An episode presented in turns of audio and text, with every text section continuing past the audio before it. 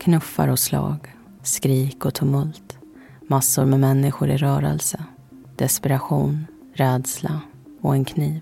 Ett bråk som bara varar i några minuter men slutar med en ung mans död. När polisen kallas till Köpingsvik på Öland midsommaren 2009 är det efterdyningarna av ett slagsmål som möter dem. Om man ska tro vittnena har sammandrabbningen involverat runt 30 personer. Till största del berusade ungdomar. Utredningen kommer bli svårstyrd med vittnen som inte vill prata och lite teknisk bevisning. Trots det lyckas man i slutändan ro i hamn.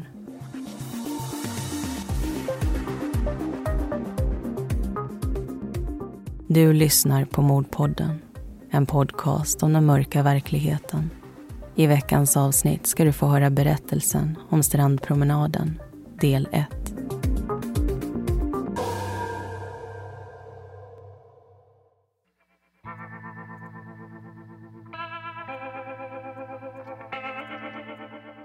Midsommar är en av de mest firade högtiderna som vi har i Sverige. Ett avstamp för sommaren och för flera också ledigheten. I hela landet binds det kransar av blommor, äts gräddtårta med jordgubbar och dansas runt midsommarstänger. Ett av de mest populära tillhållen för ungdomar är Köpingsvik på Öland. Hit kommer man från när och fjärran för att fira. Men sommaren 2009 blir inte som de andra. Det må börja med en trevlig stämning, men slutar i tragedi. Klockan är 00.42 på midsommardagen när polisen får in ett larm om en händelse i Köpingsvik.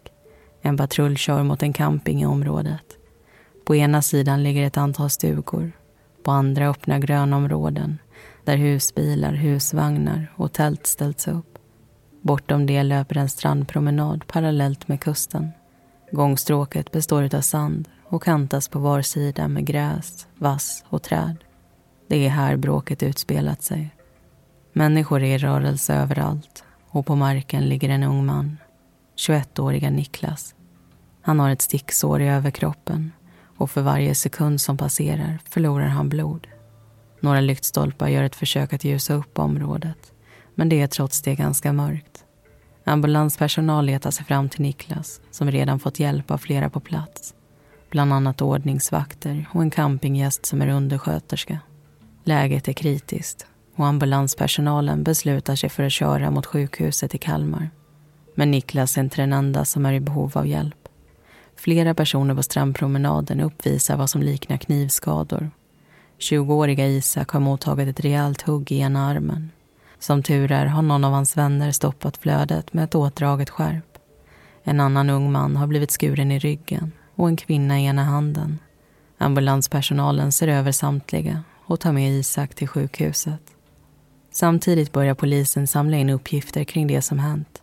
Flera har blivit vittne till bråket och berättar hur två större grupper tycks ha drabbat samman. I den ena fanns Niklas, Isak och flera av deras vänner. I den andra okända personer som sedan dess lämnat området. Sammanlagt tycks bråket ha involverat 20 till 30 personer. Vad som utlöste kan ingen riktigt sätta fingret på. Men det varade bara i några minuter och slutade med flaskkastning och bortschasning av förövarna. Niklas avlider i ambulansen på vägen till sjukhuset. Familj och vänner får motta det fruktansvärda beskedet och söka tröst.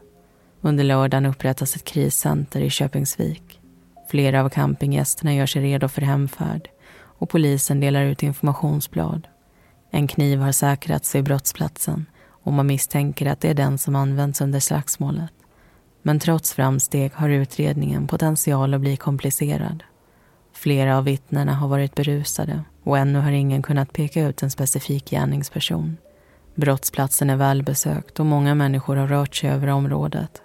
Mörkret har dolt detaljer man är i starkt behov av och vart gärningspersonen eller personerna tagit vägen vet man inte. Medan polisen rycker och drar i alla trådar man har inleds en diskussion på internetforumet Flashback det länkas till en artikel från Aftonbladet och börjar spekuleras kring vem som fallit offer för knivbråket. Under eftermiddagen skriver någon Vila i fred än, kommer alltid att älska dig. Det diskuteras fram och tillbaka om huruvida namnet borde skrivas ut i sin helhet eller inte. Vissa menar att man måste tänka på offrets anhöriga. Andra att sanningen alltid kommer fram förr eller senare Innan klockan blivit fyra identifieras Niklas som nattens offer. De kommande dagarna publiceras nya inlägg i tråden. Nu med fokus på hans förövare. Flera namn förs fram och vissa avskrivs.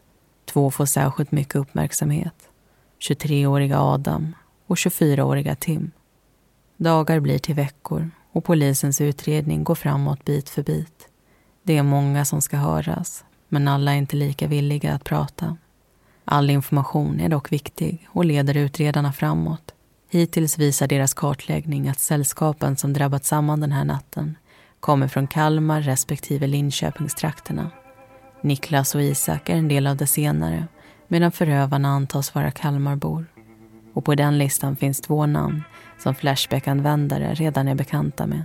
Adam och Tim.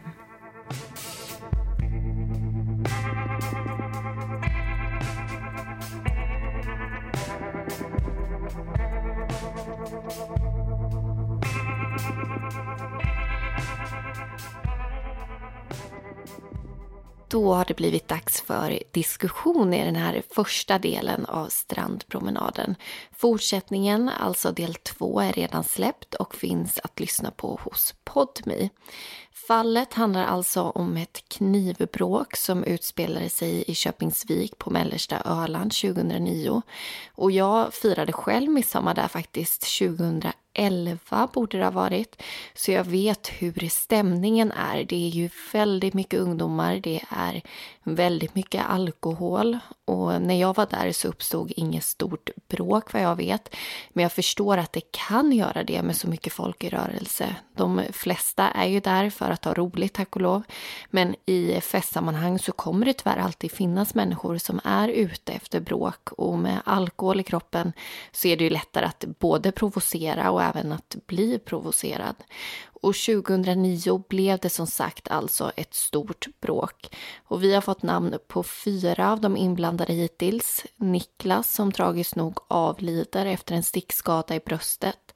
Hans vän Isak som blir huggen i armen men repar sig. Och så Adam och Tim som pekas ut som potentiella förövare på Flashback till att börja med. Mm. Och vi kommer ju få höra fler namn än så när vi fortsätter. Den här domen är ju nämligen totalt dominerad av vittnesmål. Det skrivs ganska lite om den tekniska bevisningen och fokusen landar istället på alla de här personerna som på något vis sett eller blivit en del av slagsmålet. Och man kan nog säga som så att alla sitter med en eller flera pusselbitar till händelsen i sin helhet. Vilket är varför polisen också söker många av sina svar i förhörsrummen. Och eftersom det är så fallet utreds så är det också så som vi kommer att höra om det. Vittnesmål efter vittnesmål kommer tas upp och bidra till ett nytt perspektiv av den här midsommarnattens händelseförlopp. Men vi ska precis som vanligt ta tillfället i akt och prata lite här först. Eftersom vi redan snuddat vid det här om förhör så tänker jag att vi börjar där. Polisen har ganska svårt till en början att förstå, inte vad som hänt, men vilka roller personerna som varit där spelat. När de sitter med en person framför sig så vet de egentligen inte om det är ett vittne, ett offer eller kanske en potentiell gärningsperson. Onekligen så har ju flera varit med i slagsmålet men väldigt få vill erkänna det. Och många är till en början förtegna överlag. Och det kan jag tänka mig är en frustrerande situation att försöka utreda en ung mans död och konstant mötas av människor som vet saker men som inte vill prata. Ja, man vill ju självklart att de ansvariga ska ställas inför rätta. Men det här dödläget leder ju inte till att det bara blir svårt för polisen men det blir också väldigt jobbigt för de hörda. Flera av ungdomarna beskriver hur förhören var långa och krävande. De kände sig pressade att svara även när de inte någonting visste. Vittnen upplevde det som att de var misstänkta och jag kan tänka mig att eh, det också faktiskt var så att de var det vid ett tillfälle. Och det är ju tråkigt att få det bemötandet av polisen men samtidigt går det ju inte att frånse att det här är ju faktiskt en mordutredning. Men vi har alltså, för att sammanfatta det här lite, två grupper. Ett gäng från Kalmar och ett från Linköpingstrakten. Och det handlar ju inte bara om att uppge vad de i det andra sällskapet gjort utan också allt annat man sett. För all information är ju av värde. Och det kan ju faktiskt innebära att man sett någon som står en nära göra något hemskt. Men man har kanske inte hela bilden framför sig av det som hänt och förstår inte vad som ligger bakom. Och det kanske är därför som många håller tyst. Det är nog lätt att drabbas av tanken varför ska just jag behöva peka ut någon? Eller man kanske tänker att ja, men de försvarade sig säkert bara så det finns en anledning och då behöver jag inte säga det. Mm, och där tror jag att du är någonting på spåren. Under utredningens gång så väljer ju dock flera av de här vittnena att berätta sånt som de till början inte gjort. Och det gör ju väldigt skillnad eftersom det här fallet i stora drag byggs på just vittnesmål. Det är tack vare dem som polisen också riktar in sig senare på Adam och på Tim. De blir misstänkta i den här utredningen och de blir inplockade till förhör för att få lämna sina egna utsagor. Och det här fallet involverar ju flera ungdomar. Och som vi vet i och med forskning så är inte impulskontrollen helt utvecklad förrän vi är faktiskt ungefär 25 år. Ibland kan det sträcka sig så långt som till 30-årsåldern.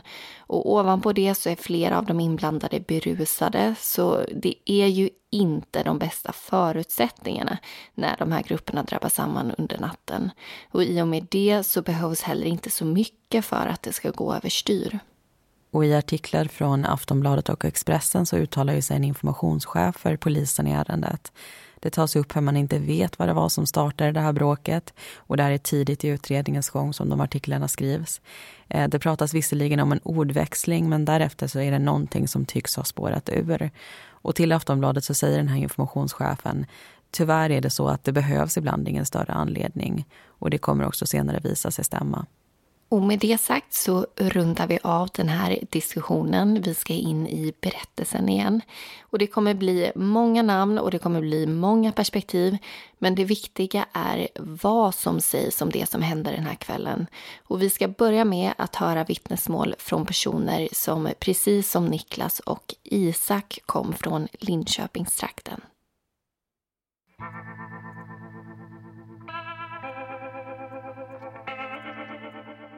Fredagen den 19 juni 2009 går Niklas, Isak och sju av deras vänner längs strandpromenaden i Köpingsvik. Det är midsommarafton och de ska fira tillsammans. Niklas har på sig en svart jacka, jeans och en vit keps.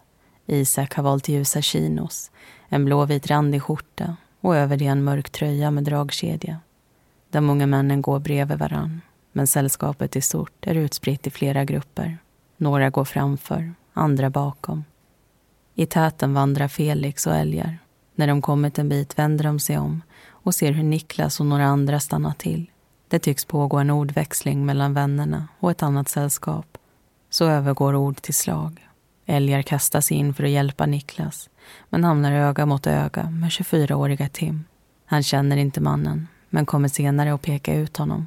Enligt älgar har Tim på sig en röd luvtröja han håller en glasflaska i ena handen och slår älgar med den vid ögonbrynet. Felix i sin tur ser två till fyra personer iklädda luvtröjor. Han hör hur någon av dem säger Ge mig kniven. Jag tvekar inte. Jag hugger. Orden får Felix att reagera och han springer in mot slagsmålet. Han skriker att de inte kan använda kniv, men ingen tycks lyssna. Älgar ser hur Tim sticker ner handen i fickan och hur en annan man snart fipplar med något. När Älgar är på väg att resa sig fastnar ögonen på Niklas som ramlar omkull baklänges. Älgar springer fram för att lägga vännen i framstupa sidoläge. Han vet inte vad det är som har hänt men antar att Niklas mottagit ett slag. Han jagar sedan efter förövarna men stannar när de kastar glasflaskor mot honom. Bråket är över och Felix och Älgar når båda vännen Niklas. Han ligger kvar på marken och under tröjan syns blod. Nora och pojkvännen Viktor är också en del av sällskapet den natten. Klockan är runt midnatt när de strosar med vännerna vid stranden. Likt Felix och Elgar går de i framkant och vänder sig om för att uppmärksamma hur de andra stannat. Nora ser då tre kvinnor som står och skriker på hennes vänner. En av kvinnorna ramlar omkull och hennes vänner beskylls för att ha puttat henne. Snart kommer en kille i röd luvtröja springande. En man Nora senare kommer peka ut som Tim Både hon och Viktor lägger märke till hur Tim skriker efter någon som han kallar lillebror. Han uppträder aggressivt och det munhuggs. Så lugnar situationen sig något. Viktor börjar gå igen, men kommer inte särskilt långt innan någon kastar glasflaskor efter honom. När han vänder sig om ser Viktor, likt flickvännen, hur ett slagsmål brutit ut. Viktor hamnar mitt i stöket medan Nora ser Tim springa förbi. Det är totalt kaos på platsen. Viktor lyckas ta sig till utkanten av bråket där en av männen från det andra sällskapet väntar. Mannen förklarar att han inte vill ha något bråk och Viktor rör sig i en annan riktning. Snart hör han någon säga Ge mig kniven, ge mig kniven, jag ska hugga dem. Bara två meter därifrån ser Viktor överlämningen. En man med rakat hår och gungande gångstil räcker över ett föremål till en man med röd tröja och jeans.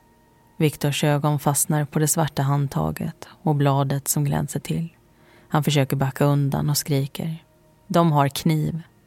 Flickvännen Nora hör hans rop och söker desperat med ögonen i folkmyllret. De fastnar på Niklas. Han ligger på backen och Nora skriker att de har dödat honom. Samlingen skingras och människor försvinner bort. Viktor går fram till Niklas som är blodig på överkroppen. Han ser också Isak med blod på benet. De ligger ungefär tio meter ifrån varann. När tjafset med det andra gänget uppstår går Mattias fram för att prata. Han hoppas kunna avstyra det hela och riktar sina ord mot en aggressiv man som han senare kommer peka ut som Adam. Men Mattias prat faller på döva öron och slagsmålet blir ett faktum. Han observerar hur Tim kommer springande med en flaska i handen. Han tar sikte mot Mattias och några andra, svingar med glasföremålet. Sen hör Mattias någon skrika. Ge mig kniven. Han ser hur Isak hamnat i ett parti vass. Det blöder kraftigt från hans ena arm och en bit därifrån ligger någon på backen. Mattias går fram och ser att det är vännen Niklas. Han tänker att han kanske har blivit knockad. Men när Mattias fattar tag i honom får han blod på sina händer. Oliver och Benjamin kom till Köpingsvik redan under torsdagen. Den första kvällen dracks det en hel del, så under fredagen tar de det lugnt. Vid nattpromenaden går Benjamin i det bakersta sällskapet. Han ser då en person stöter ihop med en av hans vänner. Interaktionen känns medveten, som om bråk är den önskade utgången. Men hans vänner nappar inte. Den hetsiga stämningen sjunker och Oliver tycker att de ska gå därifrån. Men så svingas det första slaget. Benjamin ser hur en person försöker slå en av hans vänner. Vännen kontrar dock och det är angriparen som faller omkull.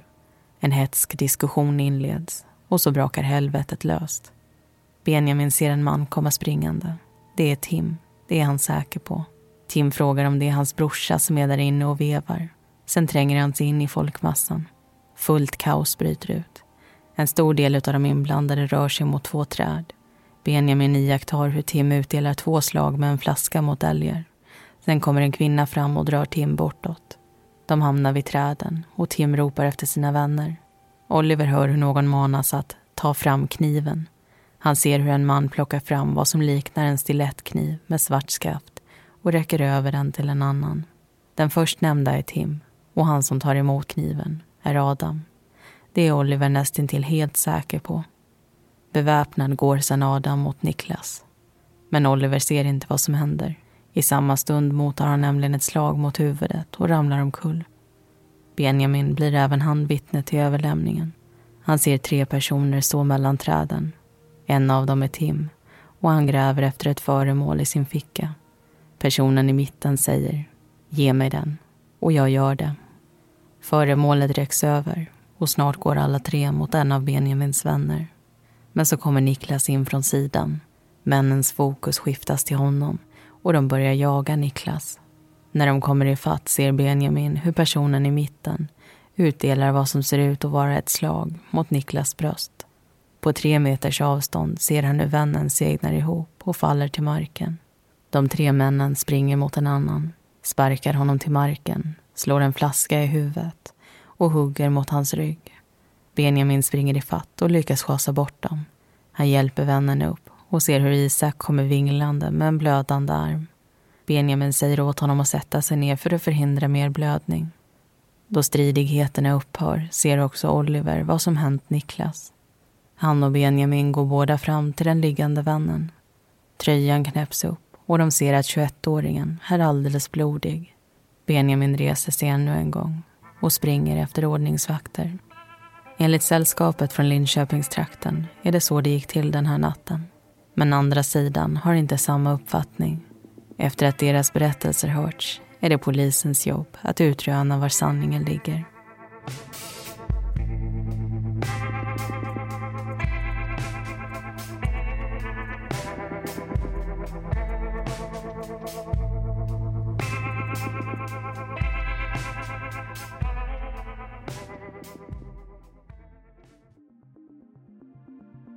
Att du har lyssnat på del ett av det här avsnittet. Andra delen hittar ni redan nu hos Podme. Alla heter egentligen någonting annat och informationen är hämtad ifrån domarna i fallet samt artiklar ifrån P4 Kalmar, Norrköpings Tidningar, Aftonbladet och Expressen. Nästa vecka så är vi tillbaka med ett nytt fall. Missa inte det.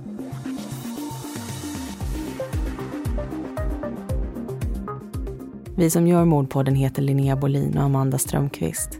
Bakgrundsmusiken är Lasting Hope, Lightless Dawn och Soaring av Kevin MacLeod samt Deep Space av Audionautics.